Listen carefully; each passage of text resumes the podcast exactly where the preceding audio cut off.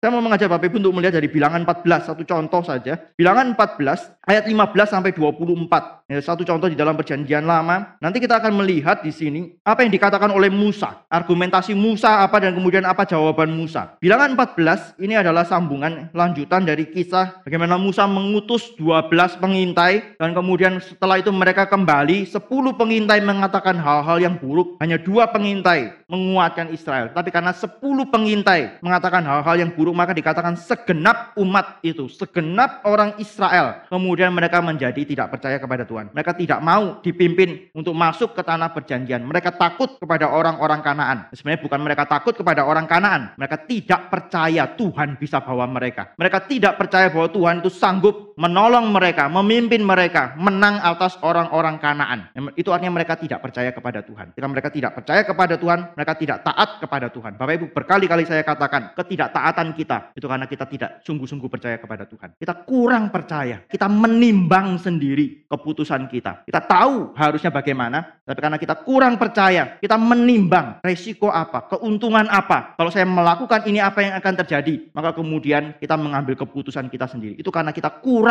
percaya kepada Tuhan. Ketidaktaatan kita adalah karena kita kurang percaya kepada Tuhan. Maka Tuhan marah kepada orang Israel dan Tuhan mengatakan kepada Musa, biar aku hapus bangsa ini. Biar aku hapus Israel, aku akan membangun umat dari engkau. Dari keluargamu aku akan membangun umatku. Tapi perhatikan apa yang dikatakan oleh Musa. Mulai dari ayat yang ke-15, bilangan 14 ayat yang ke-15. Jadi jika engkau membunuh bangsa ini sampai habis, maka bangsa-bangsa yang mendengar kabar tentang engkau itu nanti berkata, oleh karena Tuhan tidak berkuasa membawa bangsa ini masuk ke negeri yang dijanjikannya dengan bersumpah kepada mereka, maka ia menyembeli mereka di padang gurun. Jadi sekarang biarlah kiranya kekuatan Tuhan itu nyata kebesarannya, seperti yang kau firmankan. Tuhan itu berpanjangan sabar dan kasih setianya berlimpah-limpah, yang mengampuni kesalahan dan pelanggaran, tapi sekali-kali tidak membebaskan orang yang bersalah dari hukuman, bahkan ia membalaskan kesalahan bapa kepada anak-anaknya, kepada keturunan yang ketiga dan keempat. Ampunilah kiranya kesalahan bangsa ini sesuai dengan kebesaran kasih setiamu. Seperti engkau telah mengampuni bangsa ini mulai dari Mesir sampai kemari. Jawaban Tuhan, ayat yang ke-20. Berfirmanlah Tuhan, aku mengampuninya sesuai dengan permintaanmu. Hanya demi aku yang hidup dan kemuliaan Tuhan memenuhi seluruh bumi. Semua orang yang telah melihat kemuliaanku dan tanda-tanda mujizat yang kuperbuat di Mesir dan di padang gurun. Namun setelah sepuluh kali mencobai aku dan tidak mau mendengarkan suaraku, pastilah tidak akan melihat negeri yang kujanjikan dengan bersumpah kepada nenek moyang mereka. Semua yang menista aku ini tidak akan melihatnya. Tapi hambaku Kaleb, karena lain jiwa yang ada padanya, dan ia mengikut aku dengan sepenuhnya, akan kubawa masuk ke negeri yang telah dimasukinya itu. Dan keturunannya akan memilikinya. Bapak Ibu perhatikan, Musa itu berkata kepada Tuhan, jangan hapus bangsa ini. Jangan habisi bangsa ini. Karena nanti bangsa-bangsa lain itu akan mengatakan tentang Tuhan. Mengatakan hal yang buruk Tuhan. Tuhan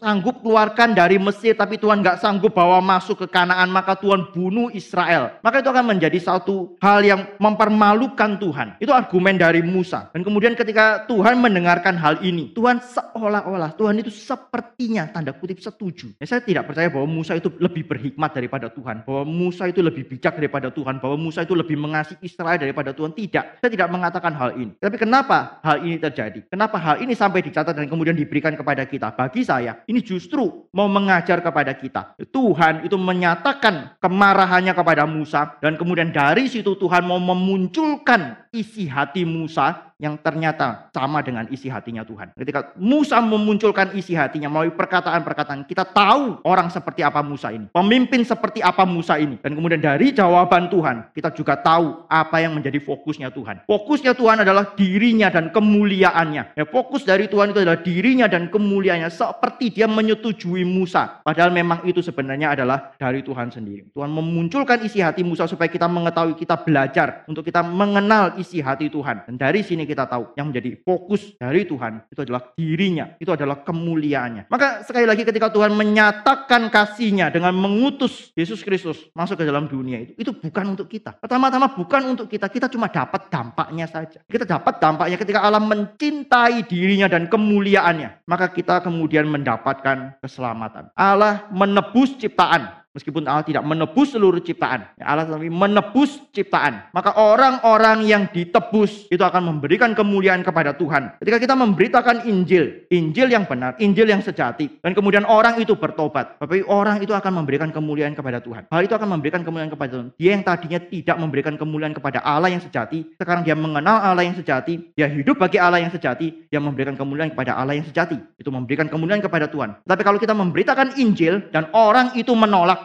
Bagaimana? Bukankah itu artinya Tuhan dipermalukan? Tidak juga. Saya akan katakan tidak. Karena apa? Karena orang itu nantinya, ketika orang itu menolak, dia tidak mau percaya, dan kemudian dia nanti dihukum pun, itu tetap akan menyatakan kemuliaan Tuhan. Saya percaya bahwa nanti di surga, ada orang yang mengatakan nanti di surga orang itu akan terus maki-maki Tuhan, orang itu akan terus menghujat Tuhan. Saya rasa kok tidak ya. Di surga sih enggak begitu, di neraka. Ketika nanti orang di neraka, saya rasa orang kok tidak akan menghujat Tuhan, orang tidak akan maki-maki Tuhan. Di neraka pun orang itu akan mengakui bahwa Tuhan itu benar. Di neraka orang itu akan sadar sesadar-sadarnya bahwa dia layak ada di situ, bahwa dia layak untuk dihukum di situ. Dan ketika itu terjadi, itu pun akan memberikan kemuliaan kepada Tuhan. Ibu kalau kita mempelajari kitab suci Roma pasal ke-9 misalnya, Paulus dengan begitu berani mengatakan bahwa Tuhan itu membuat benda-benda yang dia akan pakai untuk kemuliaannya, tetapi Tuhan juga membuat benda-benda yang memang untuk dibinasakan, yang akan dimurkai oleh dia. Itu adalah kedaulatan Tuhan. Maka di dalam segala sesuatu, Tuhan itu berdaulat dan Tuhan itu memakainya untuk kemuliaan bagi dirinya sendiri.